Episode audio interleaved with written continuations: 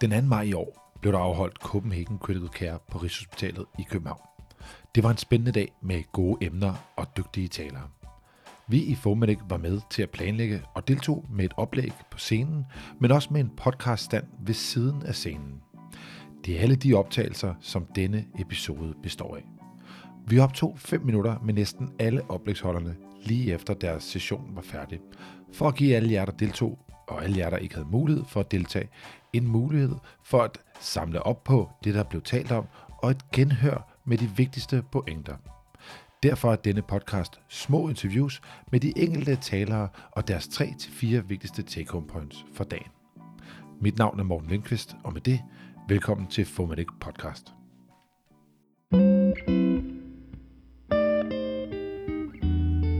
Inden vi går i gang med de første interviews, så kommer her lidt praktisk information.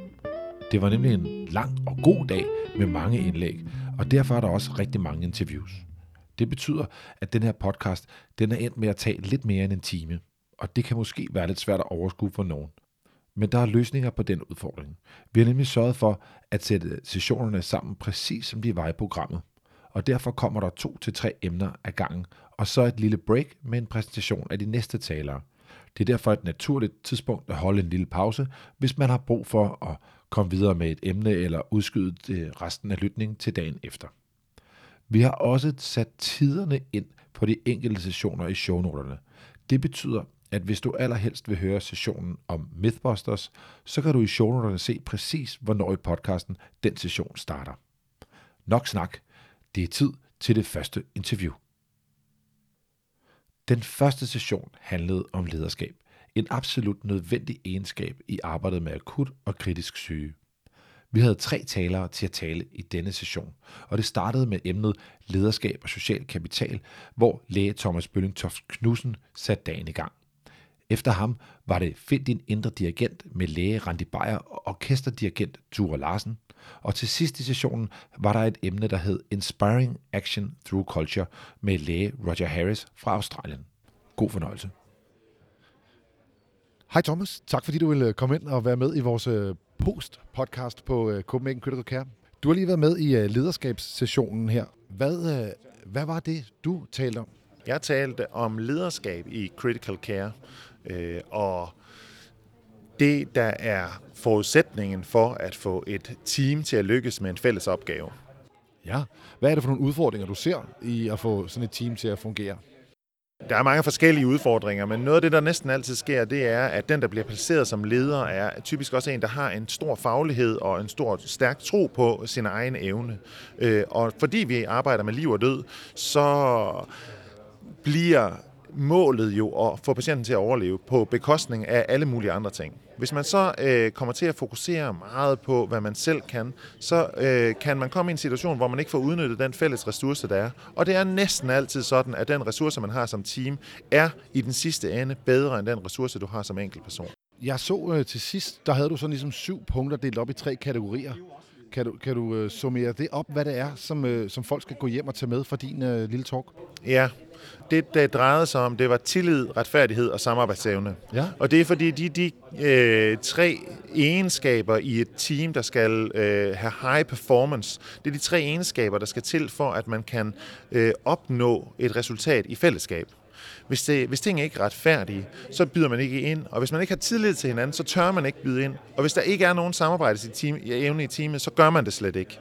Øh, så derfor øh, er øh, forudsætningen for overhovedet at lave noget, hvis man er mere end en eller to personer om det, det er, at øh, man hjælper hinanden med at få det her praktisk spil. Det jeg også fortalte om, det var, at øh, mange gange kommer man til at stå som leder og tro, at den her egenskab, man selv har, at den, øh, at den skal bringe teamet igennem. Men det er slet ikke lederskab. Lederskab det er typisk at få skabt fokus på, hvilke roller der er i et team. Og når jeg siger roller, så er det faktisk også et buzzword i den her lederskabsdiskussion øh, eller session, fordi mange gange, så er der nogen i teamet, der kender hinanden. Det er måske nogle få, der har rollen som teamleder altid, og folk ved, at nå, det er øh, den og den, der har rollen. Øh, men de andre kender ikke hinanden. Og den måde at kommunikere på, individ til individ, den kan komme til at stå i vejen for at kommunikere med hinanden som roller så når du er leder, skal du i virkeligheden få skabt plads til, at alle de roller, der er i teamet, kan udføre deres opgave. Og ikke nok med det, så skal du også sørge for, at det ikke er den enkelte rolles funktion, der bliver løst, men det er fælles mål, man har som team. Så du kan nok høre, at øh, slutligt, når dagen er omme, så er det i virkeligheden en meget stor opgave at være leder. Det sidste, jeg så vil, vil måske tage med i det, det er, at øh, hvis man gør de her ting, så kommer man også tit lidt off the hook. Øh, og det synes jeg er meget vigtigt. Jeg synes, at hvis man går hjem og tænker over systemer, der kan understøtte, at det ikke er én person, der skal træffe en svær opgave, men et system eller et team, hvis du vil, øh, der skal gøre det, eller kan gøre det, så øh, skaber du også tryghed for, at beslutningerne bliver truffet på et, et måske et bredere øh, grundlag, men også, at det ikke er én, der skal komme til at stå med ansvaret, og så er det nemmere at træffe beslutningen. Tusind tak, fordi du vil dele det med os, og fortsat god øh, konference. Jo, tak i lige måde. Tak for det. Så har vi fået det næste sæt af folk med på, øh, på vores podcaststation, og det handler om øh, lederskab stadigvæk. Og velkommen til Randi og Ture. Tak skal du have. har været med i lederskabssessionen og fortalte også om lederskab fra en helt anderledes vinkel end den, vi normalt hører fra i sundhedsvæsenet. Kan I kort fortælle, hvad, hvad handlede jeres session om? Det vi har jo erfaret, eller jeg har erfaret gennem en lang tid, eller en mange, mange år i som kirurg, det er, at øh, en ting er, at vi fortæller folk, hvad de skal gøre som ledere, men vi er faktisk nødt til at tage fat i dem, fordi det er noget, der ligger inde omkring vores hjerter og maver. Den angst, der er ved at skulle tage lederskabet, og vi er nødt til at træne den del af os. Vi er ikke ens, vi er ikke følt til de her ting.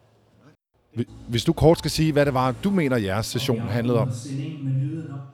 Indgangsspænden, eller anledningen til, at vi er her, det er jo, det handler om, om lederskab fra en dirigents perspektiv. Ja. Øh, og om det er muligt at overføre dirigentens kompetencer til den kliniske teamleder, specifikt i akutte situationer. Ja. Og det er jo meget apropos critical care, kan man sige. Og så vil du gerne have nogen tage hjem pointer. Ja, altså folk, der har været øh, i salen i dag, synes jo, det kunne være øh, interessant måske, hvis ikke de kan rumme al den viden på hele dagen, øh, at de kan genhøre nogle af de sådan gode øh, take-home points, som der var for de forskellige sessioner. Så hvis I skal summere jeres session op, hvad er det så, folk skal tage med fra jeres session? Først og fremmest er lederskab af en praksis. Ja. Og en praksis, det er altså vil sige, det, det er noget, man gør, det er noget, man udøver.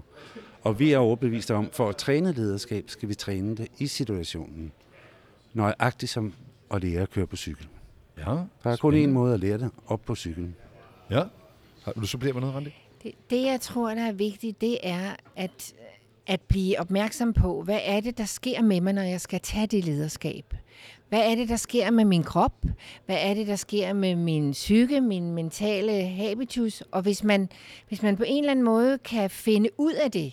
Ja. Jeg oplevede det selv en gang, hvor jeg skulle spille en solo foran et, et helt publikum, og jeg blev bare så tør i munden, så jeg ikke kunne få en lyd frem. Og det, det er meget uheldigt at lære det på det tidspunkt. Ja. Men hvis jeg kan lære, hvad det er for nogle symptomer, der, der signalerer til mig, at nu er jeg derude, hvor jeg begynder at blive bange, og jeg kan lære at håndtere dem på en fornuftig måde, så er det det, jeg skal. Det handler om at håndtere sin angst. Ja. Og, og, og vi har en måde at gøre det på, dirigentens måde. Det er at arbejde med sit kropssprog. Har, er du i stand til at få et roligt kropssprog, så er der en rimelig chance for, at du kan få styr på din angst. Ja. Kroppen former sindet. Vi så jo nogle eksempler fra nogle af jeres øh, kurser, der, øh, fra noget af det, der foregik i løbet af jeres PhD, øh, hvor I lavede nogle øvelsessessioner med folk, øh, både fra deres første optagelse, hvor de ligesom var meget anspændte og skulle prøve at dirigere folk, der skulle synge en sang, og så ligesom processen igennem det. Øh, det vil sige, at folk kan måske tage et kursus i det her, men hvis I skal sende folk hjem med noget, kan de så gå hjem og træne nogle af de idéer og nogle af de filosofier, I ligesom har fortalt om i dag, uden at skal starte med at tage et helt kursus hos jer? Det, det tænker jeg faktisk godt, de kan. Altså bare det at blive bevidst om, hvad er det, der sker, når jeg bliver bange. Hvad er det, jeg oplever? Altså at blive bevidst om det, for det tror jeg ikke, der er ret mange af os, der er i virkeligheden. Der er ikke, altså vi oplevede nogle af de der stakkels kursister få nogle tics, som man troede var løgn. Mm. Og de her 6-28 år, og der er aldrig nogen, der har fortalt dem, at de ser vanvittige ud, når de bliver bange. Og det kunne man måske godt arbejde med, eller man kunne måske, hvis man præsenterer i anden sammenhæng, hvor ikke det er så alvorligt, jamen så får folk til at give noget feedback på, hvad er det, der sker. Simpelthen, ja, øh, ja for en eller anden pære til at sige, ved du, du står sindssygt uroligt, og det virker forstyrrende. Prøv lige at få, få hold på din underkrop, eller lad være med at skære ansigter. Ja. Eller ja, lad være at stå og smask, eller hvad det nu er, man finder på, når man er bange. Helt, kon- helt konkret, øv dig, når du Ja. snakker med folk. Øv dig, få din hage op, få din brystkasse op. Ja. Altså, det er jo, det er jo helt konkret råd. Prøv Ja, det. fordi jeg, jeg lod mærke til, at du, du snakkede om det her med at bruge sin gestik. Altså, hvordan gestikulerer du både med din ansigtsmimik og din krop, og ligesom, ligesom, hvad, er det for, hvad er det for nogle tegn, du sender? Øh, men det kræver jo så, som du siger, Randi, at man får noget feedback på det, så, så man skal jo skabe en kultur et eller andet sted i sin afdeling eller i sin praksis, hvor man ved, det er noget, der er fokus på, og så får man et, et, et sundt miljø til at give hinanden den feedback. Men det tror jeg er rigtig svært, for traditionelt kommenterer vi jo ikke på, hvordan hinanden ser ud. Hvor er det godt, vi er samlet her i dag for at skubbe barrieren et skyt længere frem. Præcis. Ja. Præcis. Tusind tak, fordi I vil komme og deltage i vores lille podcast. Jeg håber, I får en, øh, en rigtig god dag her sammen med os andre. Tak lige meget. Tak skal du have. So we're here with the last speaker of the leadership uh, session, and it's Roger Harris. Welcome to the Thank you. table. Hello. You, were uh, the last speaker of this session and, and gave a talk that was about something within leadership. Can you, sh- like, in a, one or two minutes, give us uh, an idea of what your talk was about? Yeah. So uh, I really talked about culture Yeah. uh, as a as I guess what you might call the X factor that uh, helps teams to be really successful, high high performing teams to be successful. And there was three domains that I talked about under that. The first was about belonging in the group because a real sense of being connected and belonging creates safety. And safety then led to the second domain, which was to uh, to allow us to be vulnerable and to share weaknesses, um, so that we weren't afraid of failing. And the third was really carved out of the first two, which was that the group really developed deep purpose. Yeah. So your story was about one of your own projects. Can you tell us a little bit about that project? Yeah, yeah. So it was about the SMAC conference, which uh, we started in 2013. We've run six conferences uh, over six years, and they were enormously successful. But during that journey of, of developing the conferences, I think we learned a lot about those three domains that I just mentioned. I think we learned a lot about growing an intense bond within the group. And, uh, you know, our conference really turned into more like a family than, than a conference.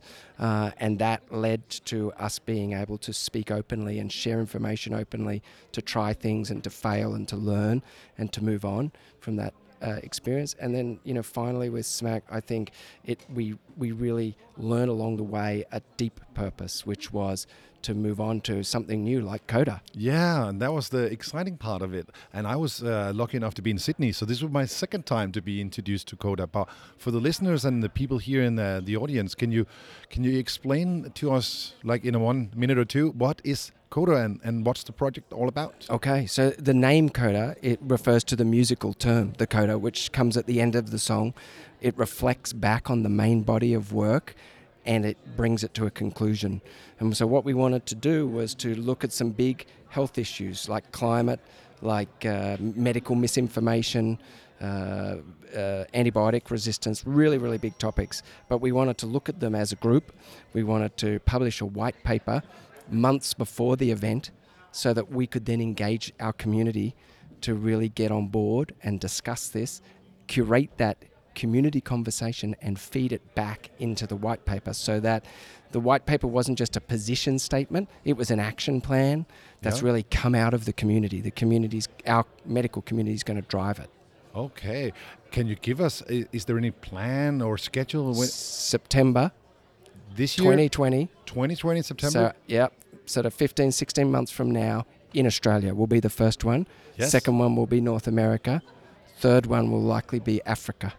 Exciting. Yeah. So it's gonna it's gonna be a conference where people meet up like Smack. or- Yeah, so we really want to keep our community going because, you know, our primary goal that we learnt, the real purpose that we learnt was that this community is so important and we want to nurture that community, but we want to use this community to do more. So we're sort of transitioning from the idea of it being just a critical care conference to making it into a, a conference where there's strong advocacy for some of these really important issues.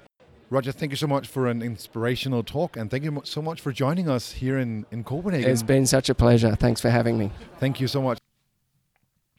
Den anden session hed Masse til skadekomst. Her har vi en snak med Christina Hernon fra Boston i USA, som fortalte om The Spontaneous Responder. Efter hende var der en session, der hed 360 graders beredskab, hvor Dan Isby og Christian Andersen fortæller, hvordan de har ændret og opdateret deres beredskabsplan og testet den af. God fornøjelse. So we're back here at the podcast table, and with me now is Christina Hernan that just gave a talk about being a spontaneous responder. And you were in the Boston Marathon as an volunteer physician. Is that correct? I was a volunteer physician um, in the Boston Marathon in 2013, which is the year of the bombings. Yeah, those like horrible bombings, and and I still remember it was three, It was actually two. two. There were two right up and down the street from each other, and there were questions of third explosions or undetonated devices. There was a separate electrical or water issue at another place. They thought it was a third bomb, but really it was two explosions. So thank you very much for a very inspiring and very emotional talk you just gave. Uh, what we are here to do is to summarize what you want to give people, like what should people bring home from that talk, and I want to like focus on your your invention or the term you say is called spontaneous responder. Can you can you like put some few words into what that mean?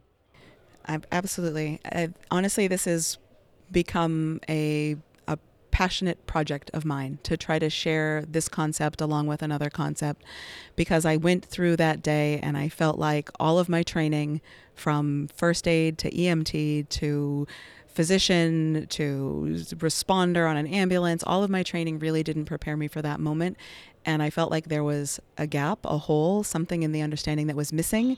And I've come to understand that it is the people within an emergency that experience it firsthand, that take spontaneous action to help another human being at a time when the scene is unsafe or uncertain to be safe. Without an equipment, without an, a hospital, without a team, perhaps without a radio, perhaps without anything, improvising, doing the best they can, trying to make a difference, and experiencing the trauma and exposures and risks of a scene that is really a vulnerable place to be.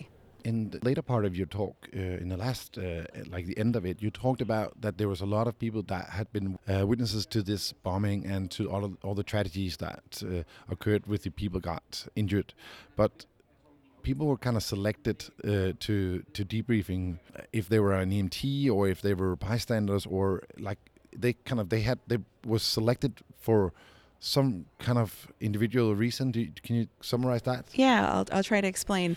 Um, it's standard practice, at least in the United States, and, and I think probably here, that when there's an EMS first responder, fire, police crew that is exposed to a really traumatic situation, we already know that we need to support their mental health in order to get through these episodes. If you want them to continue their job or their volunteerism or their career, we have to support their recovery after a challenging interaction. When you're at a bomb scene that happens to everybody that's in that immediate environment, there are people that were physically injured and lost legs or, or other really traumatic injuries.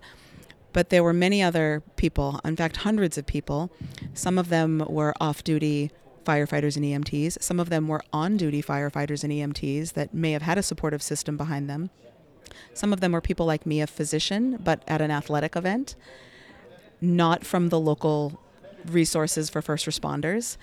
I was working alongside massage, massage therapists, medical students, podiatry students, all in different levels of training and involvement. But what we shared was a common time period, a common experience, a common vulnerability, a common need to improvise, a common exposure to these scene risks.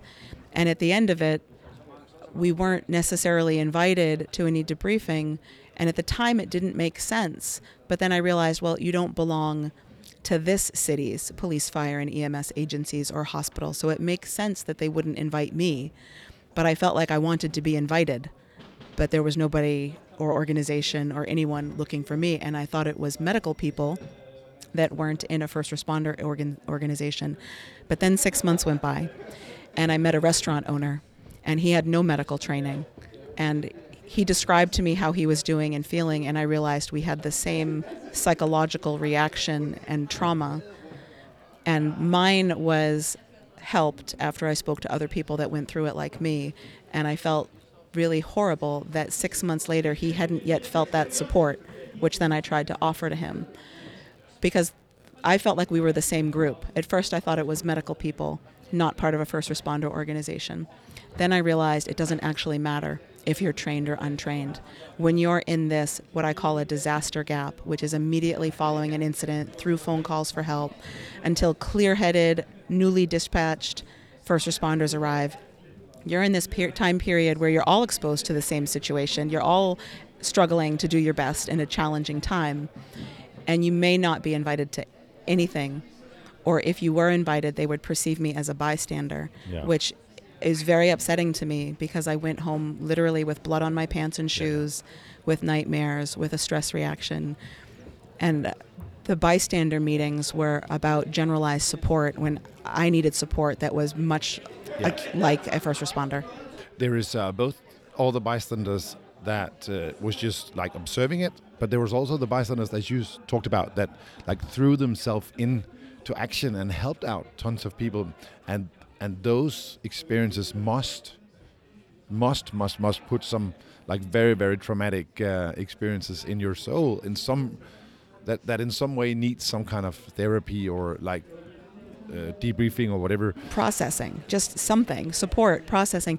I think it's it's very tricky um, to to get these concepts clear um, because it's different than everybody's habit.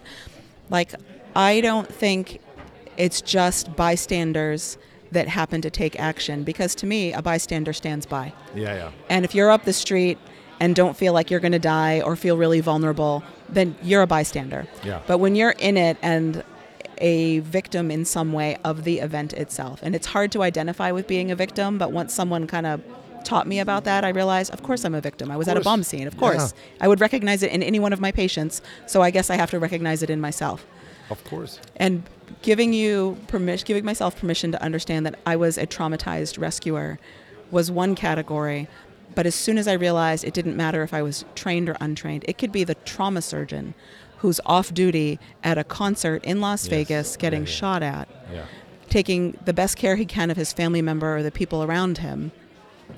To me, that's a spontaneous responder. I don't care if you're trained or untrained. You're in a unique cohort and a unique situation when you are that vulnerable, improvising, unsafe scene, all of those criteria that I'm talking about. There's something special about that time period. There's something unique. And the biggest thing is we're not looking at it. No, no, not at all. It's not part of the after action report. It's not part of where we apply our expertise. We're just not researching, studying it, and most importantly, we're not optimizing it. What is not at all. the best care? So, this is a shout out to everybody out there, at least here in Denmark, that's listening to this podcast after Copenhagen Critical Care. We need to do something. We need to think about it. We need to talk about it. We know that these people are out there, so we can put in a plan. So we are prepared to take care of these people as well if something happens here in Denmark.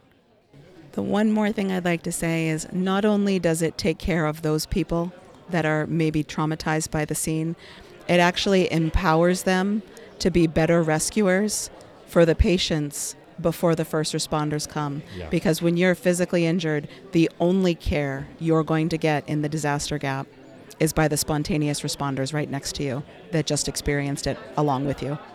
Thank you so much for joining me, Christina. I It's- think I will leave it at that. It's incredible to be here. Thank you so much. Thanks. Nu er vi færdige med den anden session for dagen, og den handlede om massetilskadekomst. Altså og både hvad der sker, når bomben springer, og også når man skal planlægge et, øh, et beredskab. Med mig her, der står øh, Christian Andersen, som har øh, lavet et oplæg sammen med Danis By, og de har talt om, hvordan man laver en øh, beredskabsplan for sin institution. Altså i det her tilfælde, hvad har de gjort for at optimere det system, de har på Rigshospitalets Traumacenter, og hvordan kan de give nogle ting med videre til de andre beredskaber derude, for at de kan optimere deres system. Christian, kan du øh, på øh, et eller to minutter opsummere, hvad er det i bund og grund, I har fortalt om her? Jeg fortalte om først og fremmest den udfordring, der ligger i arbejde med beredskab. At det er noget sjældent noget, og de fleste mennesker ikke føler, at det er noget, der relaterer til dem. Med mindre at de lige har hørt et oplæg eller lignende, så er det noget, der træder i baggrunden. Så udfordringen ligger først og fremmest i at få det på dagsordenen. Så det man gør, det er at starte og kigge på sin egen plan. Giver den mening? Og hvis man synes, den ikke rigtig giver mening, og hvis man ovenikøbet ikke helt kan svare på sin egen rolle, så er det måske en god idé at begynde at, begynde at lave det om så kan man sige, at de erfaringer, man kan høste andre steder fra, har vi fundet ud af, er ret små. Man kan køre en masse udfordringer, når man tager rundt og hører, hvad der er sket ude i verden i Berlin og Stockholm og ja, Paris. Men hvad man har gjort ved det, det er svært. Så man må tage de udfordringer, man har hørt andre har, prøve at finde sine lokale løsninger på det, og så lave en god plan. Og en god plan er essentielt egentlig en, der er så simpel som muligt, og som alle, der er involveret, skal kunne se sig selv i. Det er i virkeligheden det, vi sådan har prøvet at sige. Og så næsten det vigtigste er, at når du har lavet en plan, jamen så er den kun lige så god, som du kan tænke dig selv til. Og så skal den udsættes for en øvelse, som først og fremmest skal være realistisk, og ikke for at vise, hvor klog du er, men vise, hvad for nogle huller der eventuelt er, fordi vi laver egentlig beredskab ikke så meget for at vise, hvor dygtige vi er, men for at redde en tilfældig papirpasserende, der er på det forkerte sted på det forkerte tidspunkt. Og det gør man kun, hvis man er parat til at lave hele sin plan om, efter en realistisk øvelse, hvis det viser sig, at man har fået forkert fat i det. Dan han gav et, øh, et eksempel på, øh, på det her med, hvordan man tester. Altså, der var to forskellige former for testning. Kan du prøve at gentage det for folk? Kan jeg sagtens, og det er egentlig det, at man kan teste for at vise, hvor kloge vi er ved at spille sin egen play rigtig god. Det er jo ikke så svært, for man ved, hvad for nogle ting, man har tænkt over, og hvis man gerne vil vise til de andre, hvor dygtig man er, så gør man det. Dan han joker lidt med, at det er jo det samme, vi gør til akkreditering, hvor alle er på arbejde, og hvor øh, gangen er ryddet, og hvor at alle på forhånd ved, at der skal ske noget. Og det er en rigtig træls måde at gå ned ad gaden på, for det hjælper ikke barnet i barnevognen, der er på det forkerte tidspunkt, på det forkerte sted, fordi de vil ikke have på forhånd ringet ind og sagt, at vi øver om tre timer. Så lav en øvelse, der er realistisk, der afspejler virkeligheden. Det kan også hjælpe jer til, hvis I har svært ved at måske at få opmærksomhed, så lav en øvelse, der viser, hvor skoen trykker, uden at overdrive, men lav den sådan, at alle kan se, shit, det kunne I godt ske hos os, for det har vi sgu ikke ordentligt tjek på. Lad os lave det om, eventuelt tilføre nogle midler.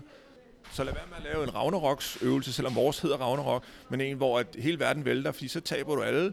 De vil sige, det sker jo i virkeligheden, det var for urealistisk. Lav en, der er så uhyggeligt realistisk som muligt, så folk de tænker, det kunne fandme godt ske i morgen. Og en af de elementer, jeg lød mærke til, I snakkede om, var det her med at gøre tidsperspektivet re- øh, sådan realistisk. Der er rigtig mange mennesker, der træner det, uden at de øh, tænker over, at der faktisk er forsinkelse fra, at man beder om noget, til nogen kommer, fordi alle ligesom melder sig til en øvelse, og så står de lige i, i nærheden.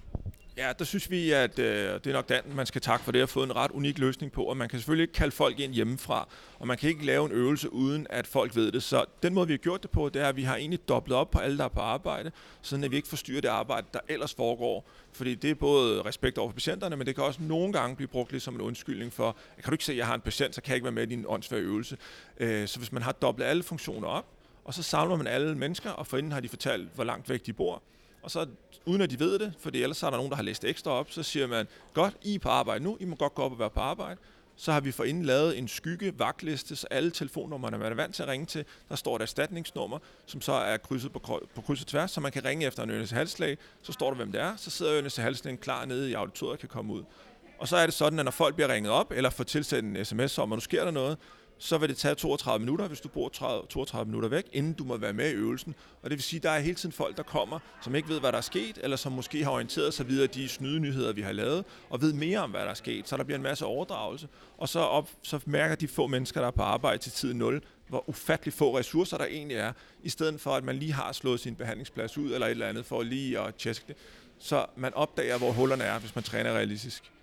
En af de ting, som jeg tænkte over, da jeg sad og lyttede til det her med, det er, at der er rigtig mange mennesker, der skal være med i det her, og, og nogle gange, så kan sådan nogle øh, beredskabsøvelser, de kan, de kan bunde helt, øh, eller bygge helt på, at folk bliver frivilligt øh, øh, inviteret til det, eller de selv skal sætte deres tid af til det. Men det gør jo også, at øh, kvaliteten af øvelsen kan være meget bygget op på, om folk vil møde op eller ej. Hvordan er jeres struktur i forhold til de øvelser? Er det frivilligt, eller får folk løn for det? Er det noget, man har budgetteret med i jeres system? I forhold til økonomi, der er det et relevant spørgsmål, fordi du risikerer, at det er kun de særligt interesserede, der gider at være med, eller at folk skal gå efter en halv time osv. Der har vi været så heldige på Rigshospitalet, at efter at vi lige så stille begynder at gøre opmærksom på, at der er nogle udfordringer, så er der også kommet midler til, først i øh, anestesiklinikken i Hoved derefter for traumacenteret, og nu er det sådan, at fra direktionsniveau, der ønsker man årlige øvelser, så længe der er noget at lære. Og øh, jeg er her i forgårs 1. maj blevet ansat halvtids som overlæge i Traumacenteret med ansvar for beredskab. Så Rigshospitalet har øh, virkelig øh, involveret sig også økonomisk og holder også øvelse her i efteråret, hvor folk selvfølgelig får løn for at være. Og det synes jeg, hvad skal være den afsluttende kommentar, det her med, at man er nødt til at budgettere med at lave de her øvelser, fordi hvis det kun er de allermest interesserede, der møder op til det, så får man jo den forkerte form for øvelses setup, for så får man jo testet de bedste, og ikke det, sted, hvor hullerne egentlig kan være i osten. Tusind tak, fordi du ville være med, Christian, og fortsat god dag. Det næste emne var Critical Care ikke et speciale. Og i den session, der fangede vi Monika Afsali Rubin og Karl Hø til en snak om deres netop afholdte talkshow, et talkshow, der blev afholdt live på scenen, hvor at Karl Hø interviewede Monika Afsali, som netop har været med til at skrive de her nye guidelines for spinal stabilisering af voksne traumapatienter. God fornøjelse. Så er vi blevet færdige med den lille session, der hed, at Critical Care er ikke et speciale. Og øh, med her ved podcastbordet har jeg fået talkshow-vært og altså, talkshow-debutant, øh, Karl Høgh. Velkommen til. Tak skal du have. Og øh, hans første gæst, og vel også så talkshow. Nej, du har jo været i fjernsynet før, men nu har du været på scenen her til Critical Care Talkshow, Monika. Ja. Velkommen til. Jo, tak. Det første, jeg vil uh, høre, det er, hvordan gik jeres talkshow? Det gik da skide godt. Ja, jeg synes også, det gik rigtig godt. Vi kan rigtig godt lide egne evalueringer her. Det er det bedste, så lad os så høre, hvad I I synes. Så vil jeg godt til at lave mit svar, det gik virkelig godt. Altså, publikum var med, og verden var god, og hver, ja, gæsten Ja, ja. var også okay. Fuldstændig. Nej, det er jeg glad for. Æ, det vi laver her, det er jo den her lille snak, som skal give øh, deltagerne i dag en mulighed for at genhøre de keypoints, der har været, sådan så at det muligvis er en måde at lave lidt spaced repetition på. Mm. Så først, så kunne jeg tænke mig at høre, I snakkede lidt om processen, altså den proces, der er gået med at lave de her nationale kliniske retningslinjer for spinalstabilisering af ja. Voksne traumapatienter. Så kan I sætte på ord, øh, muligvis jer begge to, men Monika, mest dig, hvad var det for en proces, der er gået forud for det her? Jamen altså, øh, det der gik forud for, var egentlig først og fremmest, at øh, Christian han fik søgt nogle midler hos Sundhedsstyrelsen. At hvis man gerne vil skrive nogle øh, nationale kliniske retningslinjer, så har de faktisk en pose penge, man kan søge. Så da han havde fået dem, så øh, satte han sig så til at øh, finde ud af, hvem der skulle være med i den her arbejdsgruppe. Fordi at den skulle gerne være så bred som muligt, fordi han vidste godt på forhånd, at der nok ikke lå så meget evidens. Så hvis det var, at vi skulle komme ud med noget, som ville blive taget godt imod, så var det vigtigt, at dem, der bruger det til daglig, følte sig hørt i processen. Ja. Så derfor så havde vi jo repræsentanter fra alle de medicinske specialer, altså de relevante medicinske specialer, og vi havde øh, folk fra de fem forskellige præhospitale regioner, og vi havde folk, der stod for ATLS og POTLS og ITLS her i Danmark. Så Og, og som jeg har øh, kunne forstå på dig under talkshowet, så er det vel en af de ting, der gør, at de her nationale kliniske retningslinjer, de rent faktisk kan siges at være noget værd. Altså fordi det, ja. Ja. de går over en bred kamp. Lige præcis. Altså man har set i Norge, at de har haft lidt problemer regionalt med nogle kampe mod hinanden, fordi at deres arbejdsgruppe viste sig retrospektivt at være for lille. Ja, okay. Så der var nogen, der ikke følte sig hørt. Jamen, det er, det er jo en, en god ting. Så nævnte du noget, øh, hørte jeg under talkshowet, noget med, at I har ikke kigget alt litteratur igennem selv, fordi der var ligesom noget øh, arbejde, I kunne høste nogle erfaringer fra. Ja, Altså nordmændene, de lavede jo guidelines, hvor de kiggede på litteraturen indtil 2015. Og deres guideline og selve litteraturscreeningen vurderede vi simpelthen var så god, at der var ikke nogen grund til, at vi skulle lave dobbeltarbejde. Så derfor så kiggede vi så på den litteratur, der lå fra lige sådan overlappet med det sidste af det norske, men så ellers fra 2015 og frem til 17. Jeg har hørt dig, Karl, nævne fem anbefalinger. Altså, det er de anbefalinger, vi har læst, der er kommet ud af den her proces. Kan I ikke øh, løbe igennem de anbefalinger? Øh, Vi behøver ikke ligesom at høre al videnskaben bagved det, men ligesom, hvad er det for nogle konklusioner, der er kommet ud, de fem anbefalinger? Jeg kan godt lægge ud. Mm. Jo, øh, de har kigget på de her fem specifikke anbefalinger, og hvis vi hurtigt løber dem igennem, så hedder det immobilisering af isoleret penetrerende traume, brugen af stiv halskrav, brugen af spineboard, brugen af vakuumadras, og til sidst er så brugen af klinisk beslutningsstøtte eller flowchart. Og øh, hvis man skal kommentere på, hvad de finder af øh, konklusioner der, jamen så isoleret penetrerende traume, som Monika hun rigtig nok sagde, jamen, der er ikke noget evidens for, at de skal, øh, at de skal stabiliseres, fordi de er simpelthen for kritisk. Jamen, der er faktisk evidens for, at de ikke skal stabiliseres, ja. fordi de er så dårlige. Ja. Men der er ikke, ja, Så hvad var anbefalingen her? At de skal ikke og det er en spinalstabiliseres. stærk anbefaling mod I har Ja. lavet, ikke? Mm. Hvis vi så springer til spineboard og halskrav, der er det faktisk øh, det er den samme anbefaling, den giver en svag anbefaling imod brugen derinde. Mhm. Mm. Øh, på grund af, på grund af at der simpelthen var evidens for for mange skadelige påvirkninger. Ja, øh, og altså- ikke øh, evidens for det andet, at de virkede. Ja, lige præcis. Altså, generelt så er evidensen rigtig sparsom. Men både når det gælder spineboard og halskrav, så er der mest evidens, der faktisk peger mod de skadelige virkninger. Og derfor så var det, at hele den her arbejdsgruppe blev enige om, at det skulle faktisk være en anbefaling imod.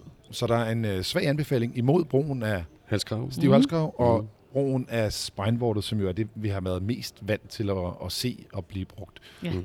Hvad var så de øh, to sidste? Jamen, øh, den sidste, det var brugen af vakuumadras, og den er, er der en svær anbefaling for. Øh, og det er simpelthen fordi, den fordeler trykket markant bedre, end for eksempel en spineboard gør. Øh, men også, at øh, folks ja, anatomi kan være så udfordret, at, man, øh, at den simpelthen støtter langt bedre, end spineboard gør. Mm. Ja. Og så Flowchart. med flowchart. Ja, og vi har øh, i litteraturen set, at der sker en hel del overtriage, hvis man bare beslutter ud fra Nexus eller Canadian C-spine rule eller skadesmekanismen om, hvorvidt patienterne de skal spinalstabiliseres eller ej. Øhm, og der er der andre, der før os også har lavet lignende flowchart af vores, hvor man faktisk har set, at man fanger dem, der skal spinalstabiliseres ved at have det her flowchart, men man overtriagerer markant lavere. Så derfor så valgte vi som konsensusbeslutning i den her arbejdsgruppe, brede arbejdsgruppe, at vi skulle lave et flowchart. Så var det øh, implementeringsprocessen, som I sluttede af med at høre publikum snakke lidt om. Men udover de, øh, de, de, de, de respons, der kom fra publikum, synes jeg da også, det er sjovt at høre, hvad jeres erfaringer eller holdning er til implementeringsprocessen af, af de her guidelines. Ja, altså nu var det godt nok mig, der var vært på talkshowet, og jeg kunne måske her have valgt at komme med min helt egen holdning. Men det tænker jeg, det er perfekt medie at få lov til at gøre det her, fordi jeg er faktisk øh, jeg er ret ked af den måde, vi har formået at få implementeret de her guidelines i Region Hovedstaden, hvor jeg kører som, øh, som ambulancemand.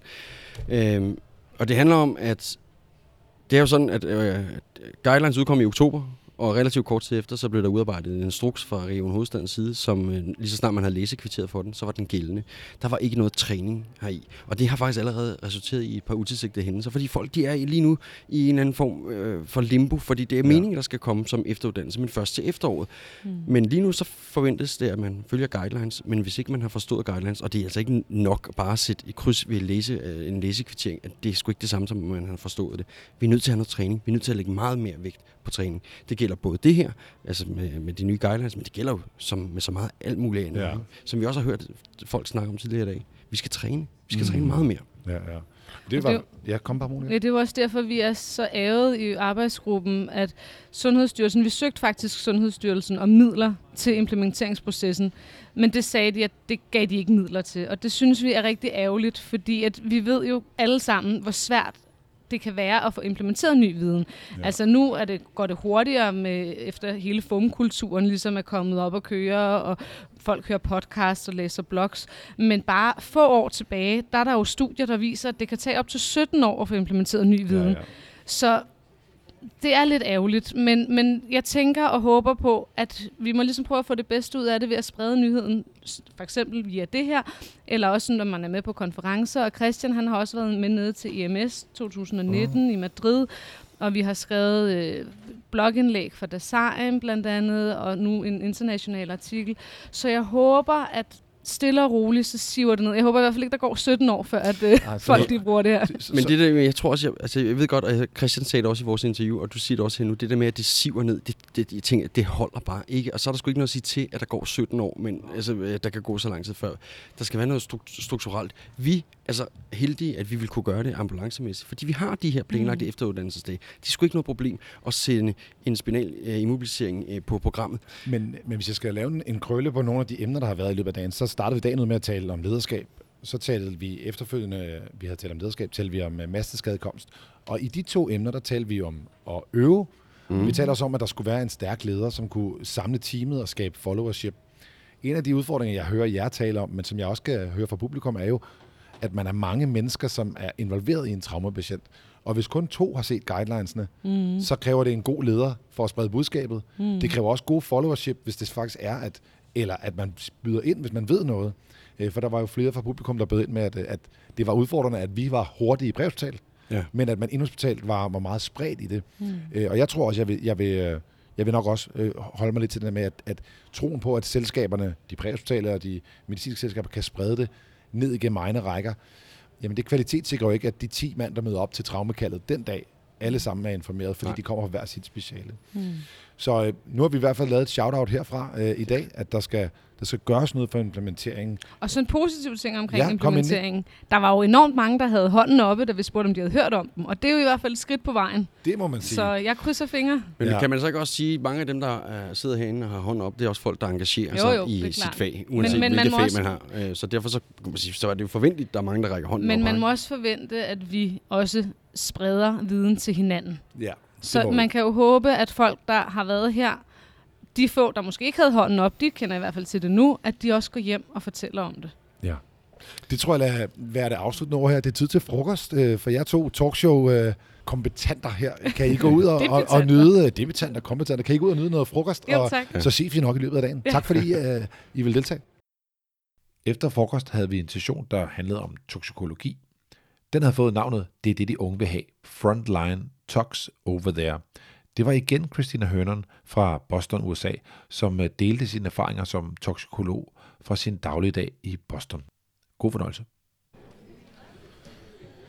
So, another of the international aspects of today, Co- today's Copenhagen Critical Care Symposium is Christina Hernan. Welcome to the podcast table. Thank you so much. It's great to be here. We just had the talks section, which was you and two Danish people working at the talks line here. Christina, can you tell me what was your part of that section about? I'd be happy to tell you. First of all, it was really incredible to actually get to work with two Danish people that I've never met before and to mm-hmm. collaborate. And that was a really great experience just to try to combine into a two language presentation and, and make it sort of coherent together. Bilingual international talk section. It was fantastic. It really was. We had a, a great time preparing it. Um, my part was really about the toxidrome. And I think it's a critically important concept in toxicology because we all focus on what the person took. We want to know, you know, what did you take? What did you take? You almost uh, scolding the patient to try to figure out what's going on.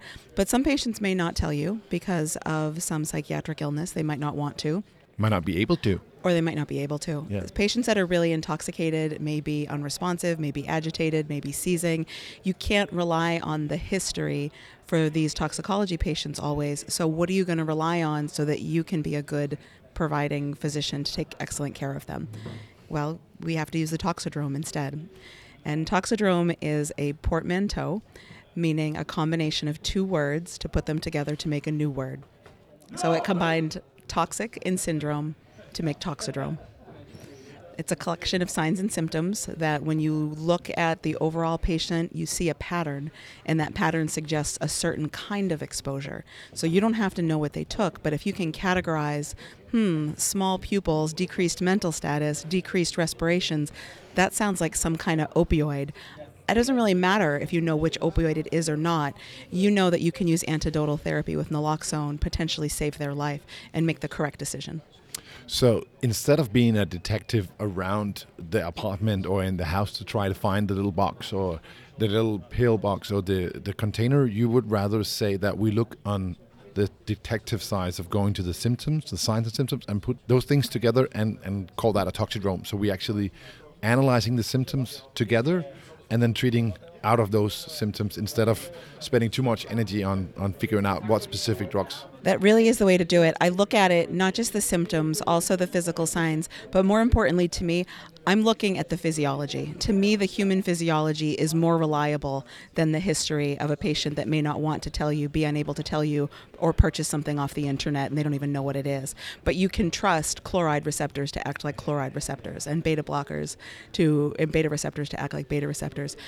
Even though there's so much variability in humans, there's more consistency when you look to physiology, and that's the filter where you can use that to decode the puzzle. I like that uh, that way of looking at it because if we look at how many antidotes we actually have in our toolbox, it's not it's not a lot. Like let's say we have like ten or twelve, and that's pretty pretty high. Right. So if if we try to to search for something that's probably not an antidote for, you should just have treated the symptoms. Always treat the patient. It's always. You, I mean, no matter what, that's the right answer. But in toxicology patients, The exam is different than your standard medical patient. You focus on things that you might overlook in a different medical encounter. You're looking at pupils and skin condition and vital signs and bowel sounds and reflexes, things that maybe you overlook when you're doing a pharyngitis exam, for example. But in a toxicology patient, you should always do these things because this is where you're going to be able to get the clues to get enough of an answer that even if there's not an antidote available, you can do excellent care with symptomatic care or supportive care. So if you can sum it up in three or two or one take-home point from uh, from your perspective, what would that be? The absolute priority to me is to understand the concept of the toxidrome. It's familiar for a lot of physicians, but it's not for every physician, it's not for every nurse, it's not for every paramedic. But when you use that common language to understand, like, look to the symptoms, look to the physiology, even if you don't know what it is, don't guess. Just tell me what you're seeing, tell me what your assessment shows, and together we'll put together the puzzle. The toxidrome is the most important. Thank you so much for joining me, Christina, for this uh, small little interview, and thank you so much for a great talk. Thank you very much. Den næste session handlede om brændsårsbehandling, og rigt faktisk de nye vejledninger for brændsårsbehandling anno 2019. Der var en kirurg med, det var plastikkirurg Rikke Holmgaard, så var der en intensivist, det var Christian Overgaard Stensen, en anestesilæge, det var Martin Risum, og til sidst var der en patient, det var Sara Sindkær, som selv har været brændsårspatient og delte sine erfaringer på scenen. God fornøjelse. Det er ved at være sidst på eftermiddagen, og øh, nu har vi lige haft en session om brændsår. Og øh, det synes jeg, vi skal følge op med, at vi skal lige have nogle øh, af de anbefalinger med, der var forskellen på de gamle øh, guidelines, og så eventuelt lidt øh, opsummering om smertebehandling. Og øh, kan I ikke præsentere jer selv, hvem der er, der har kommet med på podcastbordet her? Jo, jeg hedder Rikke Holmgaard, og jeg er overlæge og brændsårsansvarlig på plastikkirurgisk og brændsårsafdelingen. Velkommen til. Tak. Og jeg er Martin Risum, jeg er afdelingslæge og ansvarlig for den anestesiologiske del af brændsårsbehandlingen på Rigshospitalet. Tak, og velkommen til. Jo, tak. I har lige været med i en sindssygt underholdende session. Tusind tak for det. Det var sjovt at se uh, en anden form for det, i stedet for bare et standardoplæg. Uh, det var ret inspirerende. Jeg kunne godt tænke mig at, at høre dig, kan du opsummere, hvad er det, der er forskellen på, på de nye øh, anbefalinger for behandling af brændstof og det gamle, og også måske også lige kort sige, hvorfor det er, man har lavet det om? Ja, altså øh, noget af det, der er ikke helt nyt, men relativt nyt, det er, at vi skal skylde lidt mindre tid, kortere tid. Øh, førhen har man skyllet i lang tid, måske under hele transporten, hvor patienten blev transporteret øh, i flere timer. Øh, og det gjorde, at patienten var rigtig kold, når de nåede frem til os. Øh, og man ved jo godt, at skyldning og køling af patienten er godt, og det er det også, men det er altså kun godt i de første 20 minutter. Øh, alt efter 20 minutter, det er kun øh, smertestillende, og det kan også være rart, men det skal bare ikke være på bekostning af patientens kernetemperatur. Så det er, det er en af de ting, som vi sætter fokus på. Patienten er som ofte skyllet færdig, når, man, når de bliver afhentet på skadestedet, og så pakke dem varmt ind og transportere dem varmt resten af vejen, og give dem så noget smertestillende imens, så det ikke er på grund af det, du eventuelt skyller dem under transporten. Ok, det var den ene ting, der var anderledes. Så jeg synes jeg også, jeg har hørt noget omkring, øh, hvor meget væske folk skulle have. Ja, vi kører efter, øh, tidligere kørte vi efter det, der hed Parkland-formlen, og det gør vi sådan set stadigvæk, men vi har modificeret den lidt. Øh, tidligere gav man inden for de første 24 timer væske i en formel, der hed 4 ml per kilo patientvægt øh, per procent forbrændt areal. Og nu kører vi efter en formel, der hedder 3 ml per kilo patientvægt per procent areal forbrændt.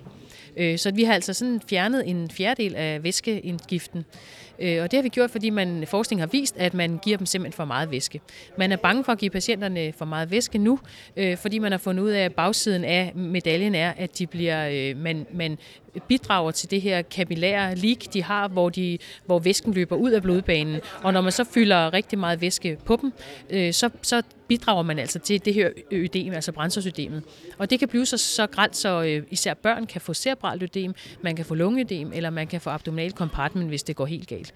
Og det dør patienterne altså af. Så hellere give dem øh, lidt for lidt væske, øh, eller nok væske. Ikke? Så, øh, så vi, vi skruer lidt ned for, for indgiften. Dermed øh, bruger vi den her modificerede Parkland-formel jeg noterede en ting, jeg synes, der var, der, var, der var god at tage med. Det var også, at du sagde, at det er ikke et mål, at man skal give 3 ml per kilo, men det er en rekommendering. Altså... Det, er, det er det, man starter op med. Ja. Øh, og så viser det sig jo, når man øh, giver væsken, om de får nok, eller om de får for meget, eller de får for lidt, fordi man så måler ud fra timediureserne. Ja. Og så justerer man det hele tiden. Så det er kun en opstart øh, det her, man starter med.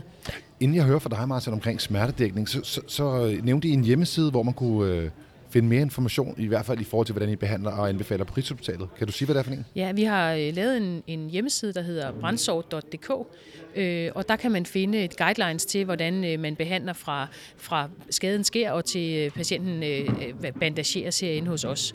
Øh, og det er, det er bare retningsvisende, og er man, øh, har man nogle gode metoder, man bruger ude lokalt, så fortsætter man bare med det. Men øh, selvfølgelig synes jeg, at man skal følge lidt med i også, hvad der sker øh, internationalt, og, og det er det, vi prøver at gøre. Så det skulle gerne være sådan internationale standarder, vi har med på vores hjemmeside. Det er hermed givet videre. Martin, over til dig. Ja. Du nævnte nogle øh, ting omkring, hvordan man skal smertedække de her patienter, og for mit vedkommende præhospital, og måske også mange af dem, der lytter med, øh, bliver det jo mere relevant nu, når vi ikke skal skylle så længe, og vi i hvert fald ikke kan bruge skyldningen til smertedækningen. Så er der nogle anbefalinger for, hvordan man smerte, øh, smertedækker de her patienter godt?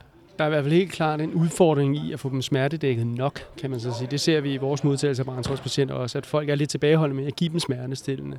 Og udfordringen kan selvfølgelig også være at opnå en ivedgang, især på børnene. Øhm, og der øh, har jeg i hvert fald god erfaring med at bruge internasal smertestillende. Det vil sige, at du både kan give for eksempel fentanyl internasal, og du kan give for eksempel midazolam internasal, således at du får både beroliget patienten, får smertestillet patienten, og så får du måske også lidt mere ro til at opnå den ivedgang, som gør den lidt nemmere at styre. I hvert fald. Ja, du nævnte, du havde sådan en flot schema deroppe, hvor du både øh, skrev øh, mulighederne for internasal, intermuskulær, Øh, og jeg kom til at tænke på, at i forhold til for eksempel børn, som er svære at opnå i gang på, er der nogen fordel ved at bruge internasal versus intramuskulær, hvis man tænker på, at de har så meget krallekage? Og... Nej, altså generelt kan man sige, at du sparer et stik, og børn kan ikke lide stik, og de er bange, og de mistroiske i forvejen. Og der synes jeg, at næsen er, er nemmere, kan man så sige, at komme til, og de er lidt hurtigere ude over det igen. Hvorimod, hvis du stikker dem, øh, så, så så reagerer børnene i hvert fald. Men du kan også godt give IM. Det, det er ikke, fordi du ikke må give IM, og du kan også godt give i princippet gennem, gennem brændsåret, så længe du ryger ned i vital og gennem øh, blodgennemstrømmet muskel. Og der er ikke noget øhm, forsinkelse i forhold til det intermuskulære, hvis nej, de har nej. meget Jeg ved, Måske er der i virkeligheden lidt længere anslagstid på den sale, alt efter hvor meget barnet har grædt, hvor meget snot der er, eller hvor lang tid optagelsen gennem slimhinden kommer. Så man skal selvfølgelig også have tålmodigheden til at lade det virke, og det gælder jo et alt smertebehandling.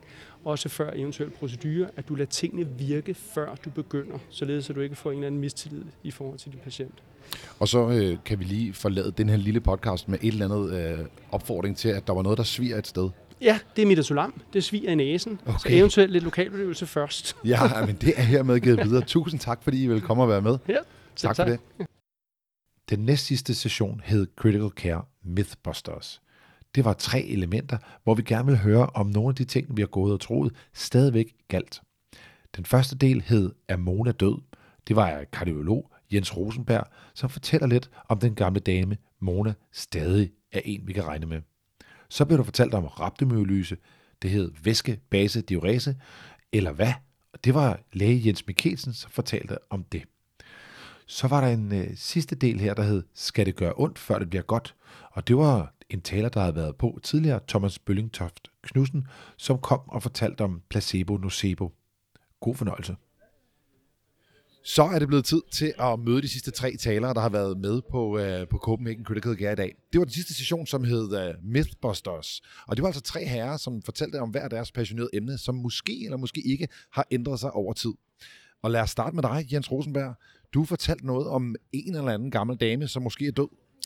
Det er korrekt. Øh, det drejer sig om det akronym, som har været brugt i behandlingen af AKS, som hedder MONA hvor M står for morfin, O står for oxygen, N for nitroglycerin og A for aspirin. Øh, og der har det været tanken gennem tiden at, at bruge det øh, som et hjælpemiddel til klinikeren øh, for at huske alle ting. Ja. Og der må man sige, at øh, det der er begyndt at være et problem, det er særligt oxygenen, som har vist sig ikke at have nogen gavnlig effekt, øh, og nærmest også nogle gange det modsatte, så at man faktisk nu kun anbefaler øh, oxygen ved en saturation under 90 procent. Ja. Morfin har også nogle øh, lidt kedelige egenskaber, noget mere undersøgt end andet, men primært, at det kan skabe større myokardieinfarkter i et lille bitte studie, øh, at det øh, også har det problem, at det kan forsinke absorptionen af nogle af de blodfortyndende midler, som er ret væsentlige for det, det akut koronarsyndrom. Øh, aspirinen er det, der er en sikker vinder og holder os fast i. Så begrebet Mona eksisterer ikke og har ikke eksisteret siden 2015 i, de undervisningskredse, hvor det er. Så svaret er, ja, Mona er død. Hun er en død pige. Der er to spørgsmål, der, der trænger sig på hos mig. Det første, det er, at øh, man har altid sagt, at hvis folk, altså hvis nu folk har en situation på 94, men de er dyspnøske eller anstrengende i deres vejrtrækning, så skulle de også have, øh, have ilt før i tiden. Skal de stadigvæk have det? Ikke som jeg læser det, nej. Øhm, og man kan sige, det der er problemet, det er, at der for uden det her med saturation 90 også står, at hvis patienten er øh, respirationsinsufficient, så kan man overveje intubation. Men det er ikke for mig en patient, der har en saturation på 94 procent. Det er oftest noget andet, der er galt, som man skal løse. Så, så udgangspunktet er stadig de 90 nu, hvor det tidligere har været noget højere. Og så det sidste spørgsmål, det tror jeg, det trænger sig på for rigtig mange mennesker. En øh, pejemakrel. Ja. Jamen, altså, nu var den her form for øh, undervisning jo præget af, at der helst ikke skulle være nogen bogstaver og nogen tal, øh, og dermed billeder. Øhm, og det er jo sådan lidt en økologisk øh, præsentationsform, så tænkte jeg, hvad er det bedre end den økologiske makrel Mona, Ja. som var død, Som er død. og som udmærket kan bruge som pegepind. Røget makrel eller frossen makrel? Hvad? Den var simpelthen røget, og fra... Ja, den er søster var spist i går. De her, der er innovativ tænkning givet mm. videre til. Ja, tak skal du have, Jens Rosenberg. Vi hopper videre til den anden Jens ved bordet. Kan du fortælle os, hvad du, hvad du har, har bidraget med i dag for, øh, for afklaring eller bekræftelse af nogle myter?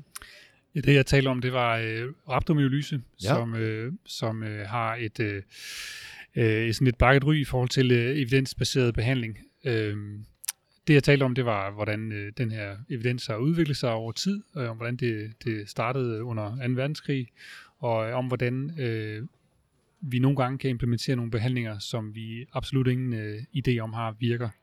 Øh, det jeg også øh, præsenterede, det var et, øh, en guideline, som jeg har lavet sammen med nogle rigtig gode kollegaer, som vi lige har fået publiceret i øh, Acta Anesthesiologica.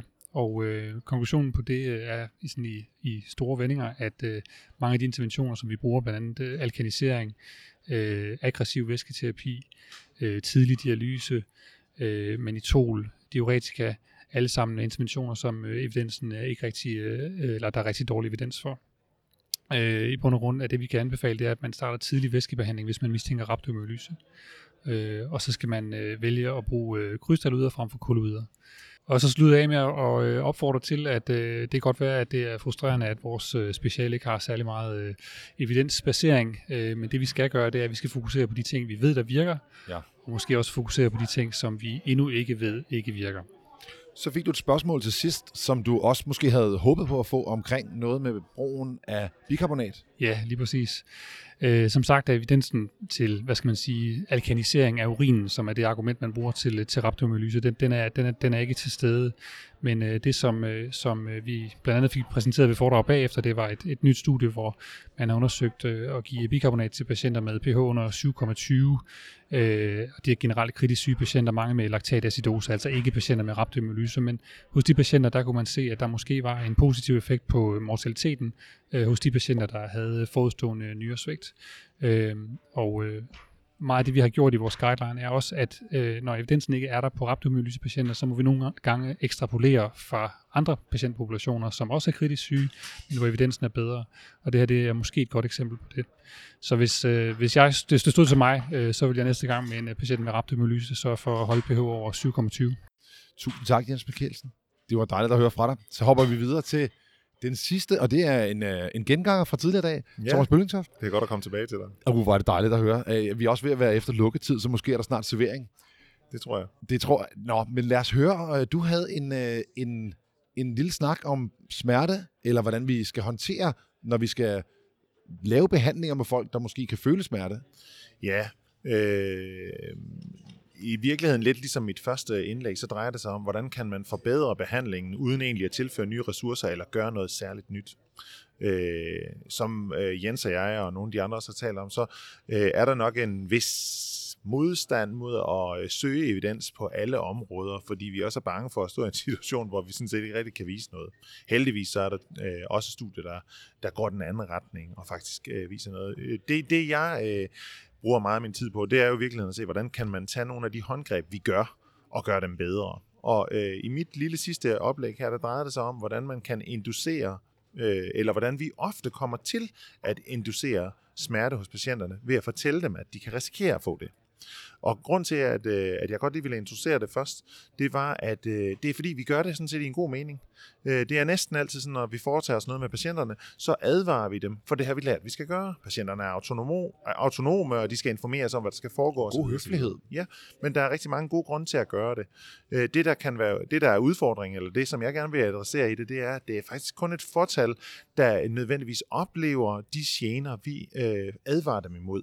Men alene det at advare dem, Ja. gør, at vi aktiverer deres amygdala i hjernen, som er vores et urgammelt center, som blandt andet gør, at vi øh, kan reagere på fare.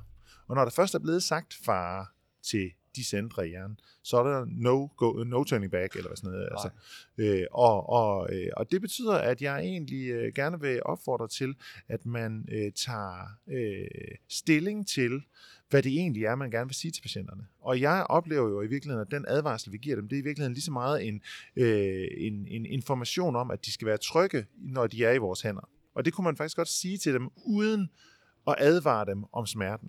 Ja. Hvis man gjorde det, så er der øh, flere studier, øh, der viser, at man kan nedbringe den observerede smerte, hos, eller den øh, oplevede smerte hos patienterne. Og den eneste forskel, man skal gøre, det er at tænke over, hvad det er, man siger til dem. Så i stedet for for eksempel at sige, øh, nu kommer der et prik, eller det gør lidt ondt, eller hvordan man nu gør, det er lige meget, det kan amygdalen ikke, hø- øh, ikke høre. Den hører bare, nu kommer der noget, eller det bliver farligt. Ja. Så kunne man sige til dem, vi går i gang med proceduren, men du vil hele tiden være kom- komfortabel, og vi er her for at sikre din sikkerhed. Ja. Øh, og så ved de jo godt, at vi går i gang med noget. Hvis de så siger, hov, det der, det der er ubehageligt, så kan man jo godt komme lidt på bagkant og sige, nå ja, men det ved vi godt, det kan du komme i den situation, men vi er her stadigvæk, Passer vi passer på dig. stadigvæk på dig. Hvad var det, du kaldte øh, det her? Du havde ligesom en pille deroppe med to forskellige navne. Ja, det er den modsatte begreb af placebo, og det hedder nocebo, altså induceret smerte, eller hvad skal man sige, ja, induceret smerte. Hvis du fortæller om ting, så kan du øge øh, oplevelsen af smerte alene på baggrund af den advarsel, patienterne får. Tusind tak, fordi du havde tid til lige at komme øh, forbi, inden at øh, det hele det lukker ned her. Tak og tak for dit indlæg. Den sidste session var Critical Care Literature Update 2019. Det var en session, vi gentog fra sidste år. En succesrig session, hvor overlæge Thomas Strøm og professor Lars Simon Rasmussen, de havde taget to artikler med hver, som de battlede i på scenen.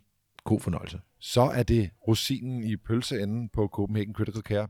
De to kompetenter fra sidste år har igen i år battlet i fire forskellige artikler med en vis form for enighed, men også en enkelt teskefuld af uenighed. Men øh, jeg synes, det ville være interessant lige at få genopfrisket og høre lidt, om, hvad var det for nogle artikler, vi har været igennem. Og så måske få at vide fra jer to, er der nogle gode konklusioner, vi skal tage med fra de artikler, eller var det i bund og grund for at vise, at der er usikkerhed ved alle udførte øh, studier? Så, så hvis I lige præsenterer jer selv, så lytteren, de kan jo ikke se jeres to smukke ansigter her. Jeg hedder Thomas Strøm, og jeg er overlæge på Odense Universitets Hospital. Ja. Og jeg hedder Lars Rasmussen. Jeg er professor i anestesiologi på Rigshospitalet. Jamen, når du nu taler, Lars, så lad os starte med nogle af de artikler, for det var også dig, der startede ud med at, at åbne ballet her på scenen. Den første artikel, som jeg valgte ud, den omhandlede brug af bikarbonat. Og det var så intensivpatienter med acidose, hvor man så enten valgte at korrigere med bikarbonat, eller gøre ingenting. Ja. Og så så man på, hvordan det gik dem øh, med fokus på mortalitet og på organsvigt. Og det viste øh, overordnet faktisk ikke nogen forskel. Nej. Og så tænker man, Nå, men så skader det måske ikke, øh, eller hvad? Men så havde de faktisk kigget på en undergruppe af patienter med nyresvigt. Og i den gruppe, der var der faktisk en gevinst ved at give bikarbonat. Og det tyder jo faktisk på, at det har sin plads. Men jeg har været i tvivl om det, fordi var bikarbonat sådan set bare pynte på laboratorieskemaet, ja. eller gjorde det noget godt? Og jeg synes, den forsigtige konklusion her kunne være, at i visse situationer hos patienter med akut nyresvigt på intensiv, der kan det give mening. Thomas, havde du en holdning til det? Jamen det havde, altså selvfølgelig, vi, vi diskuterede det der med, om grupperne ligner hinanden, ikke? fordi som Lars siger, altså også kontrolgruppen fik jo også bikarbonat, så sminker man i begge grupper og vander det der med konklusionen ud, men altså jeg må jo også sige, altså bare for at runde den lidt af, at, at, at, at der er nok en gruppe, hvor man kan sige, at man kan undgå en mere vidtgående øh, intervention, som dialyse er, ved at give bikarbonat. Og det, det synes jeg, det er, vigtigt. det er en af de vigtige pointer ved, ved studiet, at, at der er en undergruppe, hvor man der skal overveje, om man ikke kan spare patienterne for noget mere vidtrækkende ved at, at, at, at sminke på det. Eller det er måske mere end bare sminke. Oh, der var jo begrænsninger i studiet, det er der jo. Og noget af det, man har ekskluderet, var patienter, hvor man havde bikarbonat tab fra tarmen eller, eller nyrerne. Og det vil være grupper, man normalt vil overveje at give det. Så det var lidt, det var lidt uheldigt i studiet, og det er jo Ja. det, den perfekte undersøgelse findes ikke. Nej. Men det her det er et hederligt forsøg, Øh, så, så i det lys synes jeg at godt, den kan bruges lidt. Skal vi tage den anden artikel, du også har med, Lars, for at runde dine to af? Ja, og der kigger vi på akutindledning. Ja. Og det, som var spørgsmålet her i den undersøgelse, var, om krikoidærtryk var en god idé. Ja. Det har jo været god tone og en del af proceduren, at man brugte krikoidærtryk, når man skulle lave akutindledning. Og de inkluderede så kirurgiske patienter, hvor der var fundet indikation for akutindledning, og så fik halvdelen enten krikoidærtryk, og den anden halvdel fik så en sham-procedure, hvor man sådan set bare lød, som om man trykkede, men ikke gjorde det. Ja, for ligesom at, at hjælpe til at, med at blende. Nemlig. Ja. Sådan, så dem, der vurderede intubationsforhold for eksempel, ikke kunne se, hvilken gruppe patienten var i. Og det er sådan set en styrke ved den her undersøgelse. De havde jo ganske mange patienter med omkring 4.000, og de fandt ikke nogen øh, sige, fordel af krikoidærtrykket, når man kiggede på forekomsten af aspiration, som dog var meget sjældent forekommende. Øh, til gengæld så gjorde det faktisk, at det var mere tidskrævende at intubere. Det tog længere tid i den gruppe, der fik krikoidærtryk, og man så også, at der var flere, der skulle have mere end to forsøg.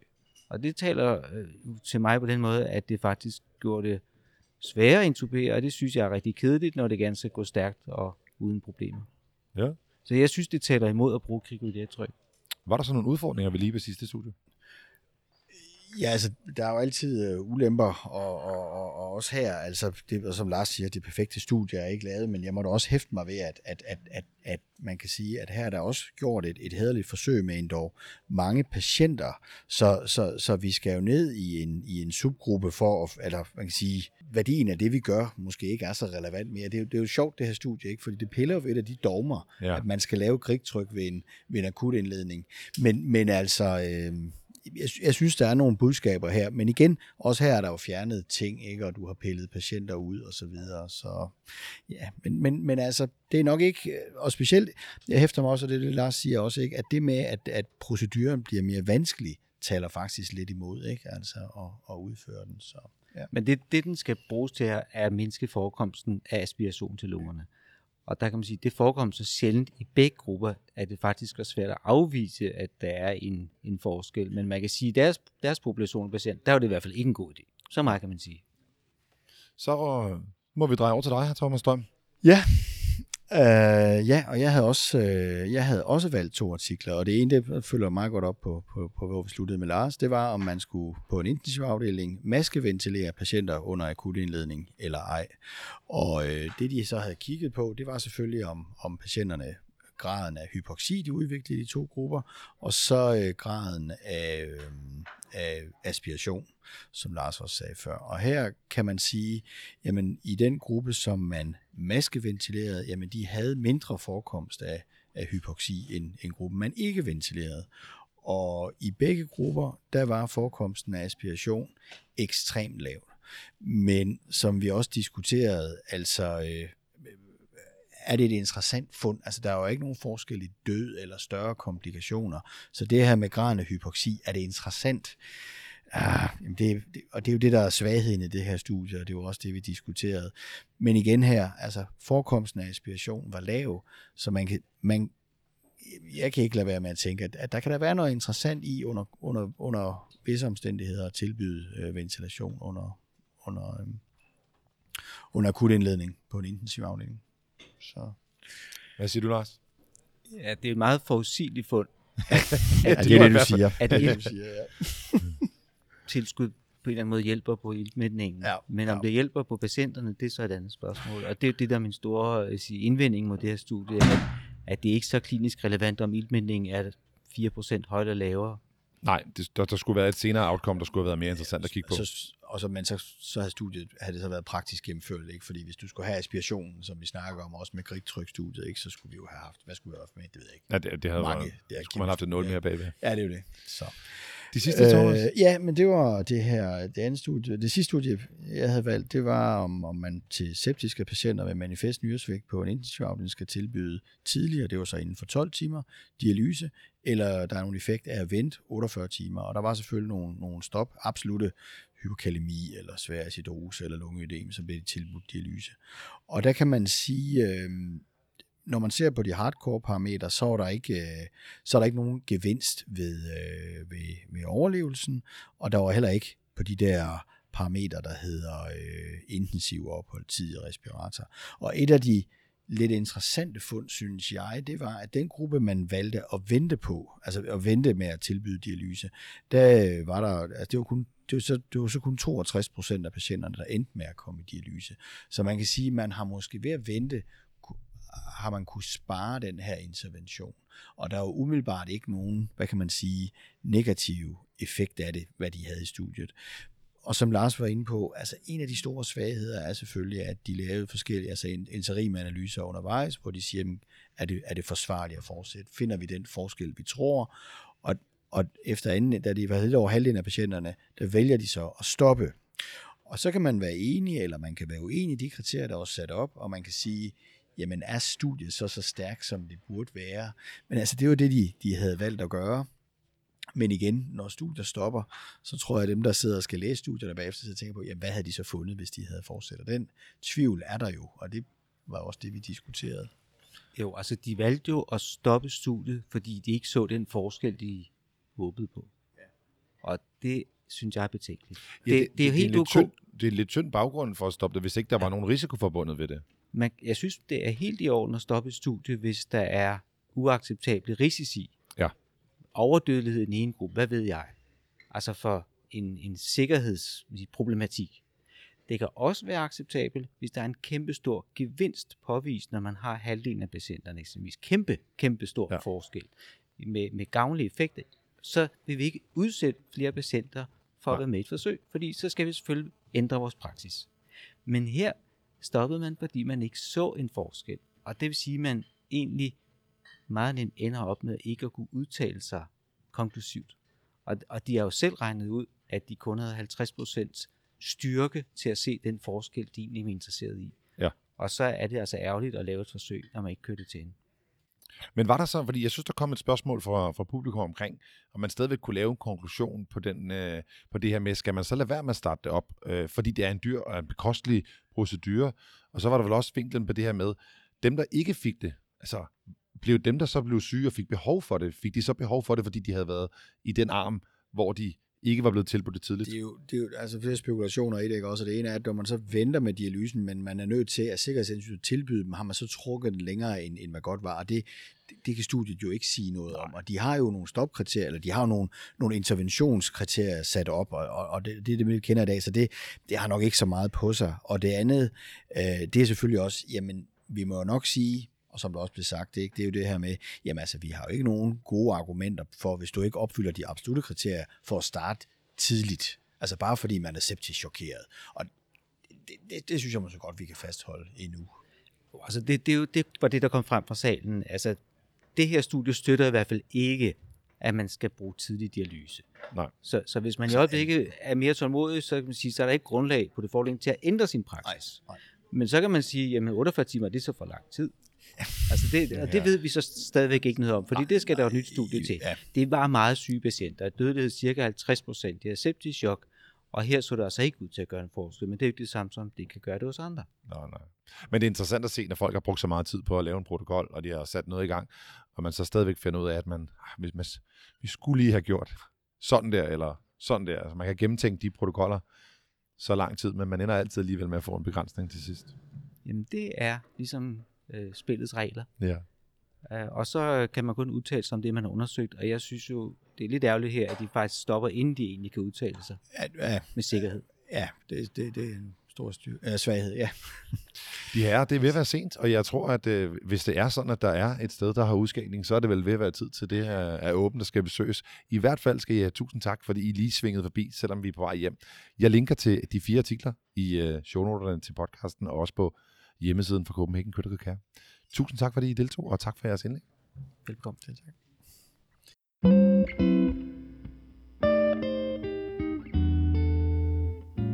Det var, hvad vi havde valgt at bringe inden fra Copenhagen Critical Care.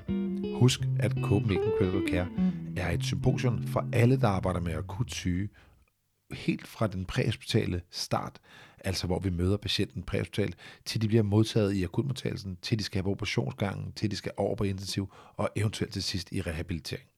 Det er altså alle de mennesker, der brænder for at gøre en forskel, når vi snakker om de mest akut syge. Fomedic er super glad for at få lov til at være med til at arrangere den her dag, og også glad for, at vi fik lov til at lave en lille podcaststation ved siden af scenen.